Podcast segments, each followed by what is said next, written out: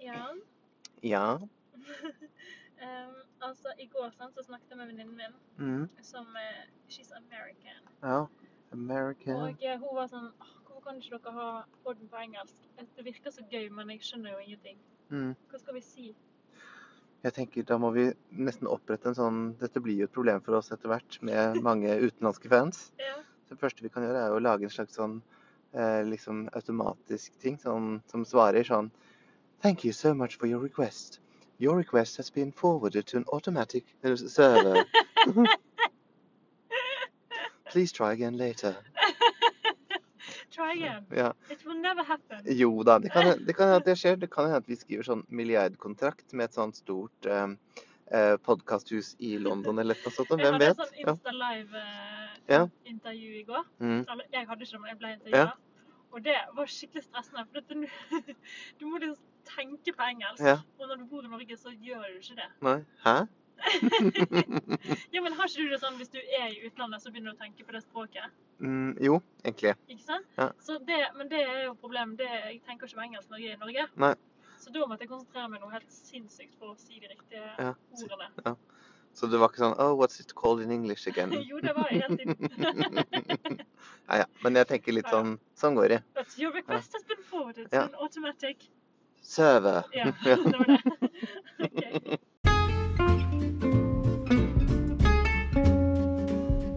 Okay. Hei, hva heter du i dag, da? Jan! Og jeg er Lydia.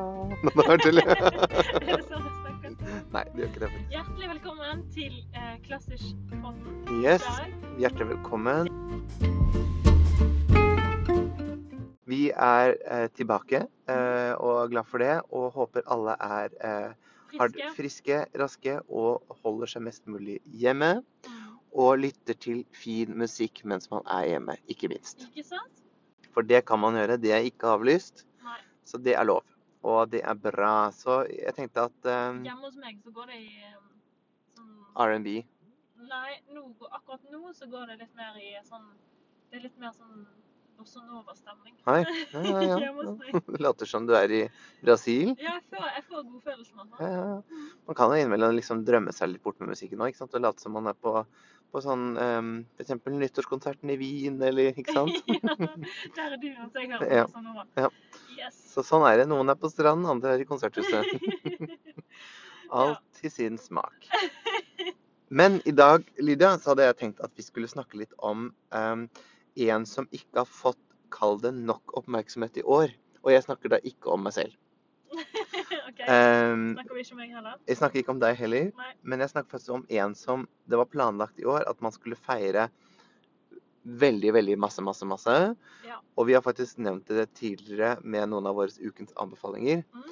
For det er jo selvfølgelig snakk om en som hadde blitt 250 år i dag, hvis han fortsatt hadde levd. Ja. Eh, på en måte han uansett ikke blitt. Nei, det, det, er jo veldig gammelt, på en måte. Det er selvfølgelig da Beethoven, som har egentlig et stort jubileum i år, men som da selvfølgelig ble rett og slett, vil jeg si, ødelagt av covid. Ja, just been neglected yeah. by the current covid crisis. Yeah. Og det er jo veldig synd, fordi det var jo de fleste, tror jeg, nesten konserthus og operaer og ditt og datt i hele verden hadde jo planlagt å gjøre noe rundt da dette Beethoven-jubileet. Ja, fordi det som er spesielt i den klassiske musikken, er at eh, er det en kjent komponist som har jubileum, så setter alle operaer, alle eh, konserthus og alt sånt, de Mm. bruker mye av den musikken til den Yes. komponisten som har jubileum, For å hylle. for å hylle. Og i år så skulle jeg skulle også være med på et slags, eh, en slags hyllest. Beethoven-hyllest. Ja. Ja. Fordi jeg skulle synge i en opera som han har skrevet. Oi. Og det det visste skal jeg vi ikke snakke. Ja. mer om Mm. Men eh, det ble jo da avlyst, dessverre. Ja. Så sånn går nå dagene. Men da er nå vi her. ja. Og til vi skal å- hylle Vi skal hylle Beethoven. ja, i denne episoden. Skal vi gå i gang? Yes, let's go.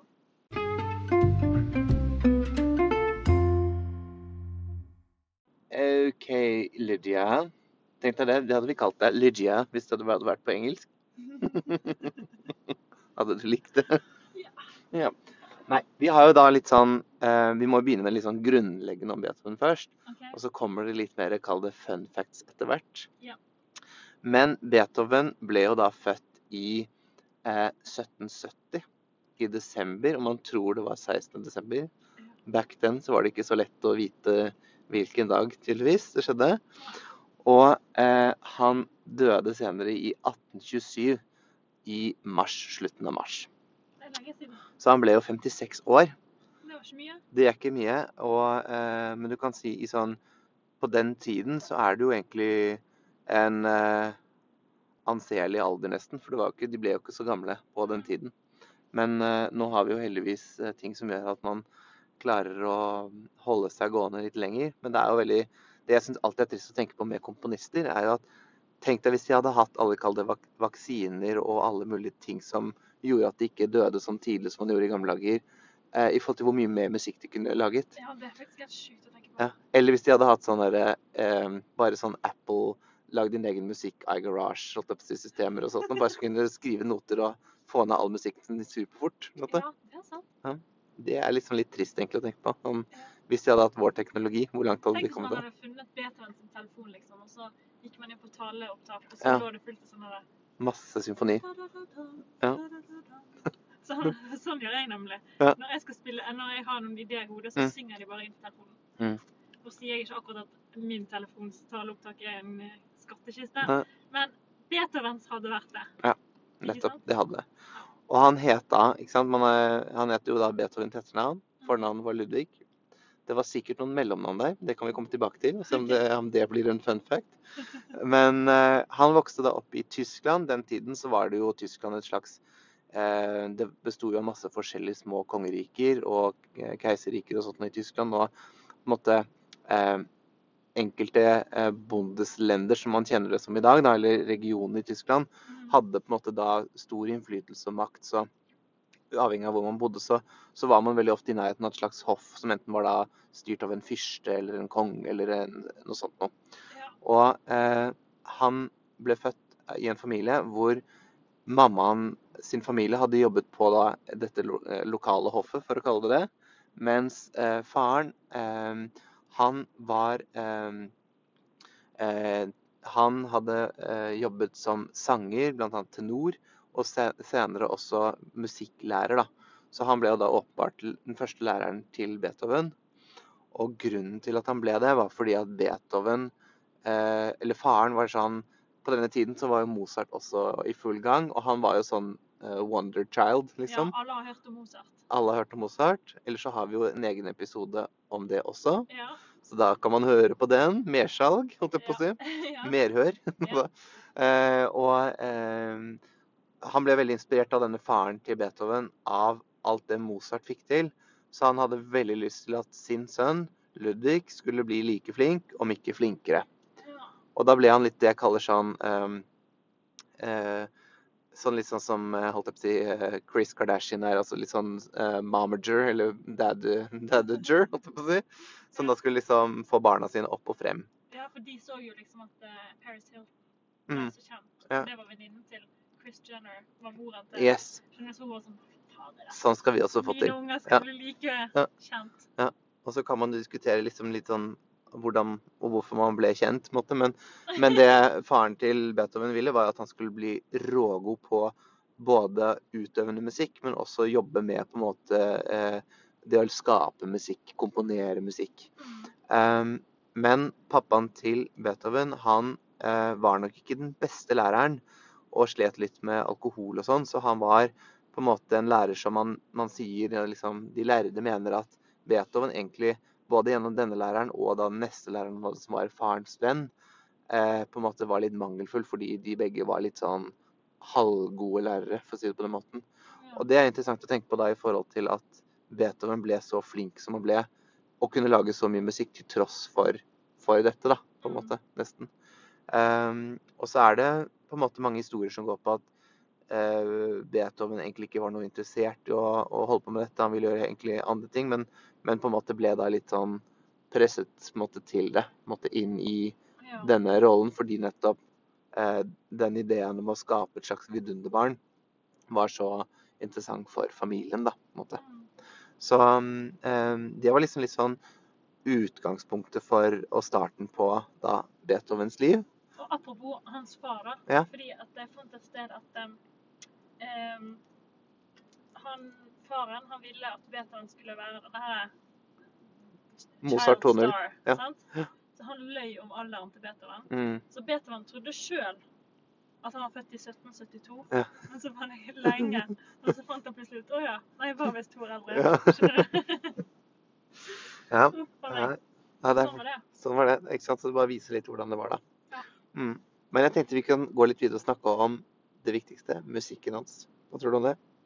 Let's do it. Let's do it.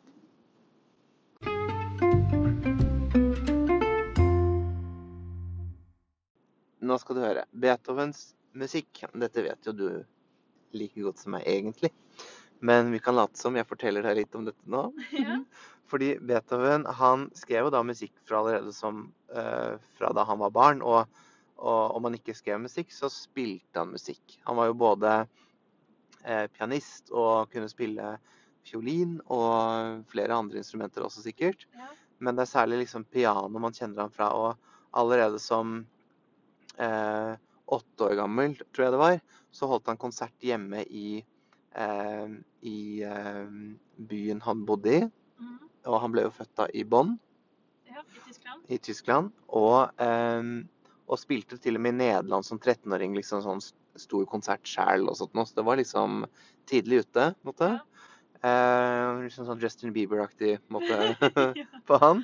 Litt sånn som Mozart. Og så Faren fikk jo sånn sett drømmen sin oppfylt om å ha da et vidunderbarn som etter hvert fikk mye oppmerksomhet. Mhm. Og han skrev jo også som svært ung, som tenåring, så skrev han jo eh, tre sonater som på en måte eh, ble gitt til korfyrsten, som da kall det var da denne fyrsten i, i området han eh, vokste opp i, som på en måte i seg selv var veldig sånn eh, viktig å huske på at på den tiden, på samme måte som DNB sponser eh, eh, Kall det operaen i dag, eller, eh, eller en skistjerne, for å si det sånn. da, Ja, ja. så trengte jo også komponistene på den tiden eh, penger til å liksom kunne eh, skape, eh, skape og leve ut drømmen sin med å skape Mm. musikk og sånn. Skaper den fantastiske musikken de gjorde. Yes. Og det som var på en måte eh, tilfellet da, var at eh, han eh, hadde faktisk da eh, en del sånn interesse fra ulike fans og sånne fyrster og ditt og datt.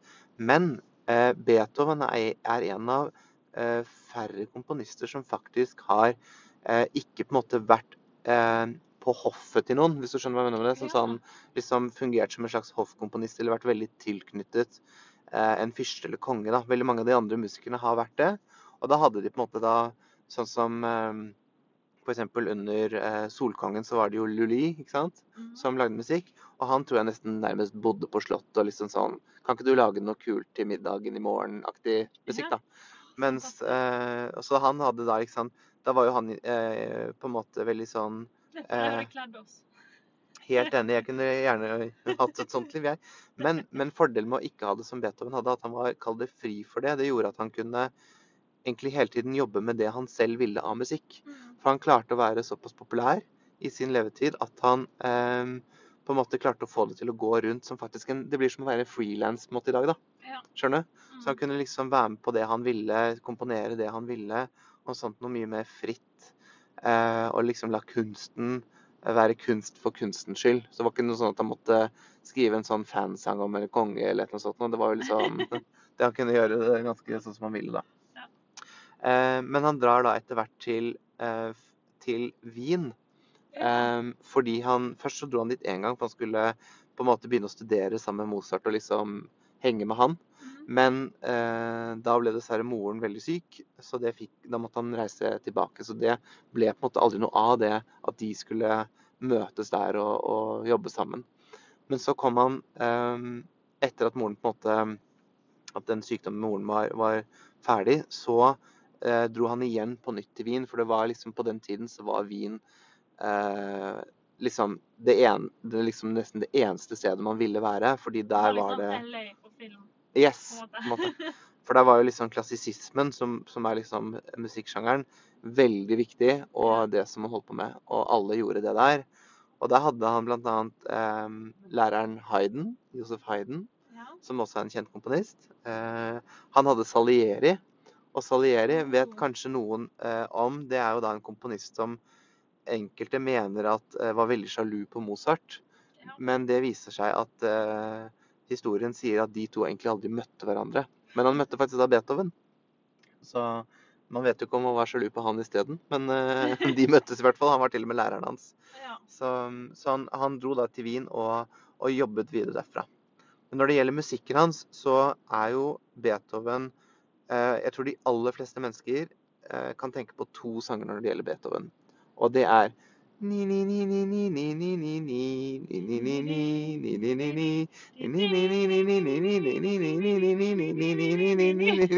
vet når man ja, ja, ja. skolen, og så bare Jeg kan altså spille piano.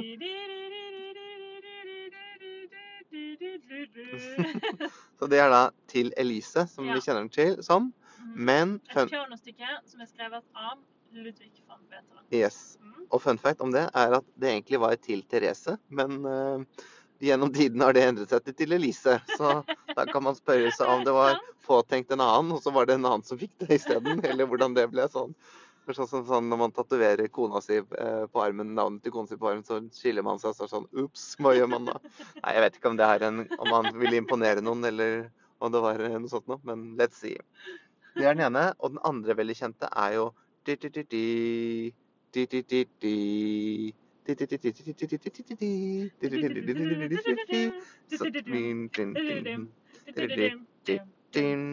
og det er jo en sang som har blitt brukt veldig mye i populærmusikken. Yes. Og ikke minst i filmer og sånt nå. Og det er jo da fra Skjebnesymfonien, som den kalles på folkemunne. Som det er symfoni nummer fem. Beethoven er jo veldig kjent av det han har skapt av musikk. Så er det jo eh, på en måte sånn generelt, kan man si, masse sonater, klaversonater. Mm. eh, konserter for eh, kvartetter, strykekvartetter. Og så har han eh, laget da disse store symfoniene. Og Det som er helt sykt med uh, Beethoven, da, er at han hadde så mye, du har nevnt litt, han hadde det så vondt hele Mm, tiden. Eller mm. det var så mye greier. Ja. Og at han klarte å kombinere så mye Ja. og produsere, på en måte, ha en så Ja. stor produksjon Mm. og gjøre det så bra. Ja. Jeg tror jeg leste et sted at han eh, eh, Når han døde, eller når, ja, når, før han døde og sånn, så Mm. hadde han liksom 25 liter vann i magen, og det var liksom Mm. så mye greier. Ja. Skjønner du? Mm. Stakkar fyr. Ja. Og han hadde liksom gullsott, og han hadde revmatisme, og det var Mm. ikke måte på. Nei, Så det var liksom, det var ikke så lett. nei han, eh, han gikk mye motbakke, for å si det sånn. Ja. Og, og det verste kanskje var jo at han allerede som 30-åring, han ble jo da 56 år, allerede som 30-åring så begynte hørselen å svikte, og han ble jo døv til slutt. Og da har jeg tenkt å jobbe med musikk og ikke høre det du selv lager. Det må jo være helt vanvittig. Men det står et sted at han eh, klarte å komponere, og Mm. har komponert kanskje noe av Altså, det meste han har komponert, det Ja. var liksom, det beste han har komponert. Ja, bare etterpå. Ja, etter han ble død. Ja. Eller i hvert fall begynte å miste hørselen. Mm. Jeg tror det står noe om at han har skrevet en opera, Mm. Seks symfonier, fire solokonserter, fem eh, strykekvartetter. Mm. Eh, han har skrevet seks eh, strykesonater, sju pianosonater, Mm. eh, fem sett med eh, pianovariasjoner, Mm. eh, fire overtyrer, fire trioer, to sekstetter og 72 sanger. Shit. Ja. Når han begynner å bli døv, ja. da er du faen meg sjuk i hodet. Mm. Eller sånn på en god måte. ja. da er du flink. Da er du flink. Det er veldig flink. Og jeg tenkte at han skrev så mange Altså, han eh, klarte alt det eh, som døv. Og mm, da, han skrev jo totalt f.eks. av disse symfoniene Du skrev så at han seks han skrev mens han, etter han var døv. Mm. Og han har jo skrevet totalt ni. Så det vil si at han skrev jo, som han kanskje er mest kjent for disse stykkene, Mm. at eh, mesteparten av dem ble da skrevet etter det. på en måte. Ja, det er helt Så det er, eh, det er litt som å på en måte om de som har laget Game of Thrones-serien, skulle vært eh, blinde og gitt ut de tre første sesongene eh, og kunne se, og så de, de liksom eh, siste seks eller hvor mange det er, uten å kunne se noen ting. Og liksom eh, Ja. ja. være da Men han virker jo som at han var altså, Faren ville at han skulle være et eller annet, og alle ville liksom et eller annet. Mm. Og så var hele liksom helsa hans imot han og alt sånt. Ja. Allikevel så det virker som at han hadde en sånn indre drive. drive og liksom Jeg er flink med de engelske ordene i dag til venninnen din. Ja. Du kan nesten høre på dette, hun. Nei, det er sant. Nei, så det var jo fantastisk. Da. Ja. Og han eh, dirigerte jo òg en del. Han likte Mm. å dirigere. og Han dirigerte jo eh, annet den femte symfonien sin. ja. Og den niende symfonien sin og sånn. Mm. Og han fikk fantastiske applauser, men Ja. han hørte ingenting av det. Nei, det er helt utrolig. Og det er veldig kult at han fikk til så mye. Og jeg syns jo egentlig det som er Vi skal jo i ukens anbefaling snakke litt om ting vi anbefaler. Og jeg vil jo si at generelt så eh, er det lov eh, å også være kreativ og bare sjekke Beethoven klaversonater eller Beethoven symfonier sjæl òg. Eh, men vi kan legge litt sånn forskjellige ting. Men det som jeg har lyst til å spørre deg litt om, Lydia, det er jo denne operaen. Ja. Fordi det man Det er litt sånn eh, som Jeg vil si at jeg kan litt om musikk, men jeg visste faktisk ikke at han hadde laget en opera. Nei, og eh, Beethoven har bare laget en opera. Mm. Og den heter Fidelio. Ja. Og den, det var liksom det jeg skulle gjøre i år i forbindelse med dette her jubileet. Ja. Jeg skulle synge en rolle i Fidelio. Det er ikke Fidelios bryllup, sånn du mener Figos bryllup? ja. Nei. Eh, Fidelio, eh, det er da egentlig en karakter som heter Leonore. mm.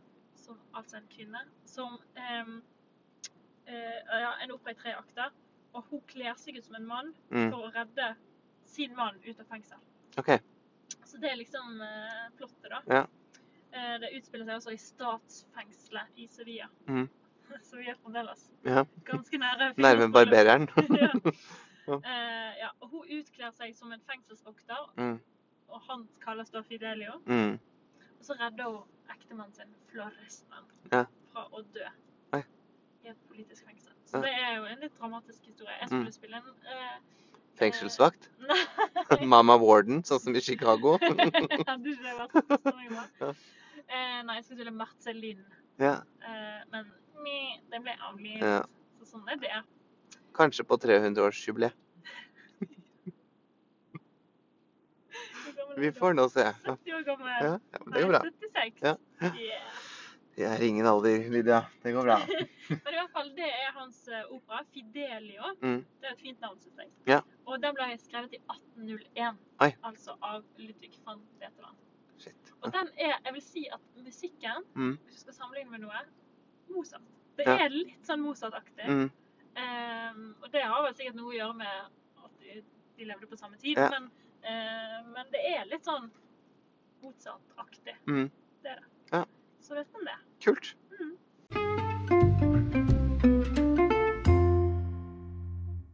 Men vi har jo litt eh, Skal vi kalle det fun facts Okay. om Beethoven. Ja. Eh, vi nevnte jo at han har skrevet disse symfoniene sine særlig. Og eh, der er det eh, Han levde jo på en tid som eh, var ganske sånn krevende i Europa også, i tillegg til at han hadde sitt eget slit. Fordi i Frankrike på den tiden så var det jo plutselig den franske revolusjonen. Ja. Og eh, det gjorde noe med på en måte hele den eh, Hvordan man kanskje så på eh, Kall det kulturlivet i de, alle de europeiske landene, fordi de nettopp var linket sånn til eh, liksom sånne store hoff og på en måte konge, kongeligheter og monarki og sånt noe. Um, så det gjorde jo noe med, med på en måte sikkert også litt sånn usikkerhetsfølelser i, i de ulike landene eh, på den tiden pga. det. Og em, etter hvert som den franske revolusjonen på en måte eh, ble avsluttet, så var det jo Napoleon Bonaparte Mhm. som tok over. Og Napoleon em, det de fleste vet, var jo at han til slutt kronet jo seg selv som keiser. Og eh, når han på en måte hadde eh, Hva skal man si eh, Vunnet frem der og blitt liksom lederen av Frankrike. Og mm, de klarte jo etter hvert å også få mer og mer land rundt omkring i Italia, i deler av Tyskland og osv. Og, så videre, og eh, ble etter hvert store konkurrenter til ikke minst til England. Men eh, det skal sies at eh, Beethoven skrev faktisk tredje symfonien sin som en slags eh, hyllest til Napoleon. Eh, fordi han mente at Napoleon ledet og moderniserte Frankrike på en eh, eh, liksom eh, bra måte, sånn moderne måte. Mhm. Men, eh, og særlig var Beethoven opptatt av dette likhetsprinsippet. Som var det brorskap, frihet, likhet, brorskap, på en måte. Ja. Og etter hvert som, eh, som det liksom var, sto sterkt i eh, Frankrike, så syntes Beethoven det var så bra at han skrev da tredje symfonien til Den het bare Napoleon, eller het bare Bonaparte.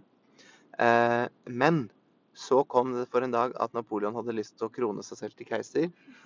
Og eh, mange vet kanskje at eh, mora til Napoleon ikke var så fornøyd med det, så hun ble senere malt inn i bildet som en sånn, nesten sånn photoshoppet fra kroningsbildet. For hun var ikke der. Men hun sitter veldig fremtredende på det bildet i dag. Eh, og, men en annen som ikke likte det, det var nettopp da Beethoven. Fordi han mente at der hadde Napoleon gått vekk fra dette likhetsprinsippet som han egentlig var eh, Som han egentlig da hadde rost eh, Napoleon for å følge, da. At makten tok litt over. Yes. Så derfor heter den eh, Symfonia Eroica. Ja. Og det handler om Ikke erotika. Nei, ikke erotika. Jeg tror Grieg har skrevet noen stykker som heter erotika, faktisk. Ja. Ja, så det fins, det òg. Men, men ikke fra Beethoven, så vidt jeg vet. Nei, Beethoven var litt sånn unlucky in love, Ja. det har jeg lest. Så. Ja. Han bodde bl.a. også alene hele livet sitt og var eh, eh, mye for seg sjøl, for å si det sånn. Så han var jo visstnok eh, en litt sær mann. Han hadde jo mye vondt, da. Stakkar fyr. Altså, Mm. Da blir det jo litt eh, Da blir det litt vanskelig. Ja. Rett og slett. Stakkars. Og så, nei, så da bare tok han og rev av førstesiden på den eh, blekka han hadde laget med dette, og sa dette heter nå isteden Symfonia Eroic, Eroica, Eroica! som betyr liksom en hyllest til en Eller minne om en stor mann. Så det var jo litt sånn Man kan jo da si at kanskje det var at han tenkte ja, han, Napoleon var flink én gang, men ikke, not anymore. på en måte. ja. Så det er historien om det, da. Ja. Ja. Så er det jo eh, Det som er morsomt med Beethoven, er jo at eh, vi har jo nevnt noen av de liksom mest kjente sangene, og de er jo superkjent fra ulike ting. Og det er jo et annet stort stykke som vi har nevnt før, som heter 'Måneskinnssonaten', som har vært ukas anbefaling tidligere. Ja. Og det er jo også et veldig sånn kjent stykke som på en måte eh, Hva skal jeg si? Som, som har vært også brukt i mye filmer, blant annet. Da jeg var liten, så husker jeg det var noe som het 'Grøsserne'. Som var noen sånne bøker som var litt sånn skumle, som vi liksom leste måte. Og det kom etter hvert en serie om grøsserne. Og da husker jeg det er et skjelett i en av scenene som spiller 'Måneskinnsonaten' på et piano. på en måte. Vet du hvor jeg husker Måneskinnsonaten? Nei. Jeg føler jeg har nevnt denne serien flere Ja. På Hotell Cæsar Ja, Okay. så spilte Juni Anker Hansen Ja, oi. Måneskinnsonaten. Ja, der kan du Eh, se. Hun skulle liksom lære det, og så liksom øvde. Og Ja. den sangen er jo det er den som er da, da, da, da, da, da, da, Esatto. da. Og den er litt sånn at hun satt der og øvde og fikk det ikke til å gå Ja. Det var ikke så lekkert. Nei. Hun var bedre til å drive med hotell, kanskje. Ja, men den sangen er jo veldig kjent òg. Ja. Eller det stykket som det er så Mm. kjent. Så det er litt um, fun facts der.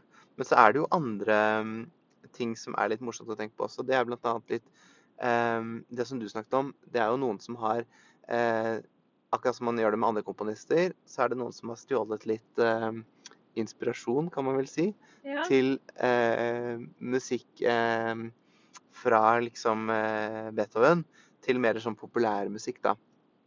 Og da er det jo eh, Er det Walter Reed han heter? Ehm, som har laget uh, ikke det det sykehuset som man snakker om? Gud, ja, ja, det er det ikke. Å, hva er det han heter igjen, da? Um, dette må vi nesten slå opp, Lydia. Ja, la oss gjøre det. Skal vi se. Jeg tror ikke det var Walter Reed, altså. Nei, det var ikke det. Det er jo da et sykehus i uh, USA. Uh, han het Walter, eller heter Walter Murphy. Ja, det Og var det det var. han har en sang som heter A Fifth of Beethoven. Ja, og den går sånn du-du-du-du.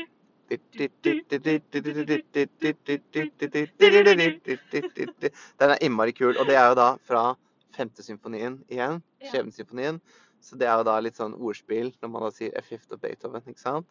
Så det er en veldig sånn kul låt. Den er sånn, hvis jeg skal anbefale en sånn sang å gå til, liksom, når man skal være litt stilig og kaste sjalet rundt seg, eller skjerfet eventuelt, så kan du sette på den og ha den liksom på ørene. Måtte altså bare gå bort på gaten. Ja. Ja, så det er jo eh, et eksempel på det, da. Og det finnes sikkert mange flere òg. Eh, som vi bare har rett og slett glemt i farten. Men, eh, men eh, jeg tror at eh, det er ingen hemmelighet at klassisk musikk Nei, at det populærmusikken blir inspirert av klassisk musikken. Ja. Og kanskje neste gang skal vi ta en liten liste på masse låter som Ja. har liksom stjålet fra klassisk Ja, musikk. det kan vi gjøre. Det. Det skal vi se på. Enig. Men i mellomtiden, hør på Walter Reed. Nei da, det var ikke det. Walter Murphy. Ja. Ja. Med A Fifth of Beethoven.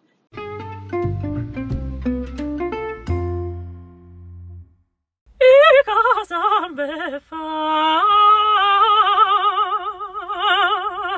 anbefaling. Here we go. Ja, da er vi klare Så trekke inn litt mer engelsk. Absolutely.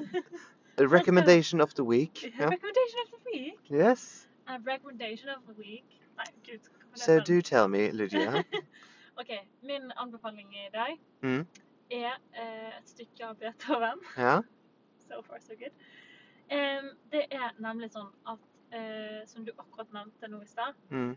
det er mange som lar seg inspirere av Mm. musikken til eh, disse kjente klassiske komponistene. Ja. Og da spesielt eh, kanskje har alle hørt, vil jeg si, Beethovens femte symfoni. Yes. Men det er Men eh, det fins jo flere ting som blir brukt Mm. av, av eh, Beethovens musikk. Ja. Eh, og blant annet i filmer. Mm.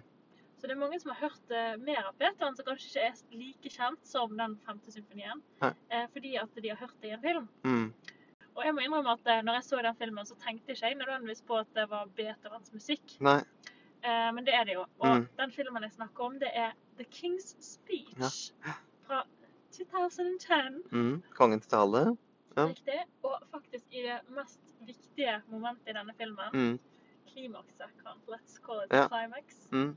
Eh, da eh, kongen skal holde sin tale. Til nasjonen, fordi det, dette er den engelske kongen når det er krig med Tyskland, på en måte. Når de, Tyskland ikke er i krig. Ja. Mm. Så når han skal holde den talen, så kommer Beethovens musikk Mm. som en slags backdrop. Mm.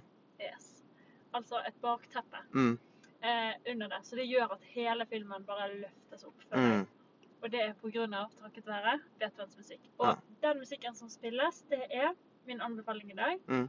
Og det er The Second Movement. Mm. Andre Passer på venninna. ja, Andre eh, sats. av eh, symfoni nummer syv. Ja.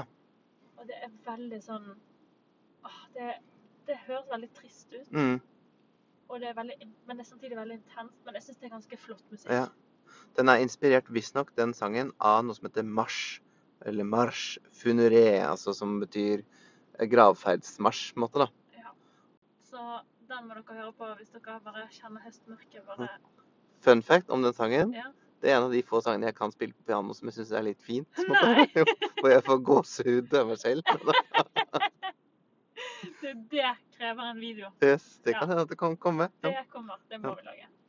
Så kult. Ok, Men det er iallfall min eh, anbefaling. Veldig sånn dyster og trist. Mm. Eh, kommer, noe mer Kommer du med noe mer eh, gladlaks? Gladlaksmusikk. Kommer something more gladlaks. Du, jeg vet ikke helt om jeg syns det er så veldig mye mer oppløftende enn det jeg har. Fordi eh, min heter da eh, Det er en klaversonate som er sonata patetikk. Eh, opus 13 fra klaverkonsert numero Skal vi se, da. Nummer åtte. Og det er i C minor. Og den er på en måte eh, Den er ikke veldig trist, men den er ikke veldig festlig heller, for å si det sånn. Men den er veldig fin, og den er eh, veldig sånn rolig og pen, sånn ehm, Som bare liksom går som en slags drøm, nesten. Ja, den har litt mer lek over seg, vil Ja, jeg si. det har den. Er ikke den som er sånn? Nei, det er ikke den. Å. Men den er i nesten samme serien. Men den er sånn ding, ding, ding. Ding, ding, ding, ding, ding, ding, ding. den er ja. ding, ding, ding, Det er noe som kunne blitt spilt i rådhusklokkene. Det kunne man ha gjort. Så vi kan se om de gjør det en eller annen gang. Men uh, inn sånn Send inn forslag ja, til DM-en til Rådhusklokkene på Instagram. Nei, men den syns jeg er veldig fin. Men vi kan jo, syns jeg, eh, med tanke på at dette er en hyllest til Beethoven, eller vår hyllest, så syns jeg vi skal nevne litt flere sanger, Lydia. Og da har vi allerede snakket om Måneskjønnsnatten. Ja. Vi har snakket om Femte symfonien. Ja. Vi har snakket om ehm, eh, de to anbefalingene vi kom med nå. Mm. Eh, og i tillegg så syns jeg på en måte at vi må nevne at før så har vi jo anbefalt musikk av Beethoven. Vi har snakket om eh, fra eh, kvartetten, eh, The Emperor, som er veldig flott. Ja. Um, vi har snakket om eh, Nei, gud a meg, det er en pianokonsert, det. Never mind. Uh, The Emperor, unnskyld. Og vi har snakket om uh, eh, min favorittsymfoni, sekseren, som er veldig flott. Uh, hvor det er masse fin musikk. Um, Det er den som du føler er litt sånn gjetersk. yes, det er nettopp det. Pastorale og veldig sånn Det er noe sånn The arrival of happy feelings when coming to the countryside, på en måte. Så den er veldig sånn Den heter noe sånt noe Så den må du sette på når jeg skal eh, Når du en dag mm. skal se hvor jeg kommer fra. Yes, skal jeg ha på Så den. kjører vi over fjellet, og så Ja. kommer vi der, og så kommer vi ut på landet, og så åpner landskapet seg. Nettopp. Nettopp. Setter vi på den. Ja. Blir. Absolutely. Sånn blir det. Nei, så det er veldig mye fin musikk. Og så kan vi jo nevne selvfølgelig da um, Ode to the Joy. Som jo er out, out to joy. Ode to Joy, bare. Ja. Ja. Som er da Out to the joy. Ja, og den er jo eh, hylles til gleden, og den er jo eh, på tysk 'Freude', som det betyr, eh, heter. Eh, og den er jo et stort sånn verk som går sånn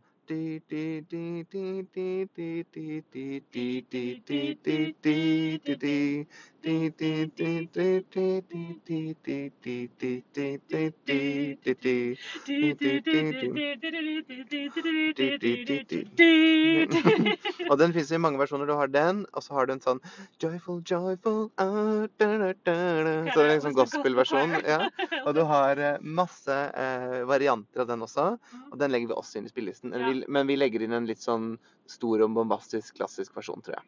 Ja, det må vi gjøre. Ja. Og så tenker jeg at eh, etter denne episoden så tenker jeg at folk kan tenke litt at eh, jammen meg kunne de egentlig mye Beethoven-musikk fra før. Mhm. De har hørt ganske Yes. mye, tror jeg. Ja. For det er bare noe som er sånn mega, mega, megakjent. Nettopp. Ja.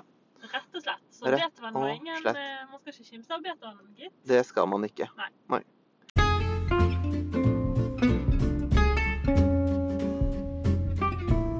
Ja, men det var da alt vi hadde. Yes, det var det.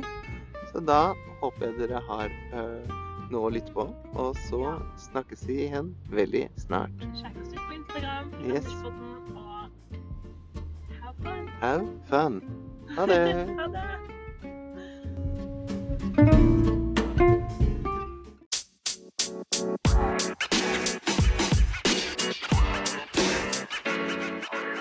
you know, man.